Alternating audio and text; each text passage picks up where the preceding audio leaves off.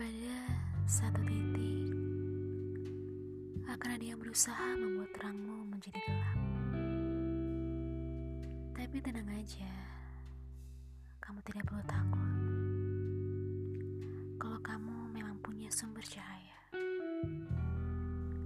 Sekeras apa pun seseorang memadamkanmu, tetap saja cahayamu akan bersinar lagi.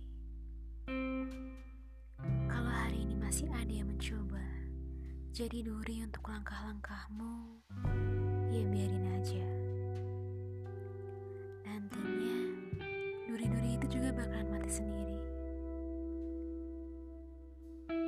Bangun sumber cahayamu. Terus maju pada apa pun yang kamu tuju.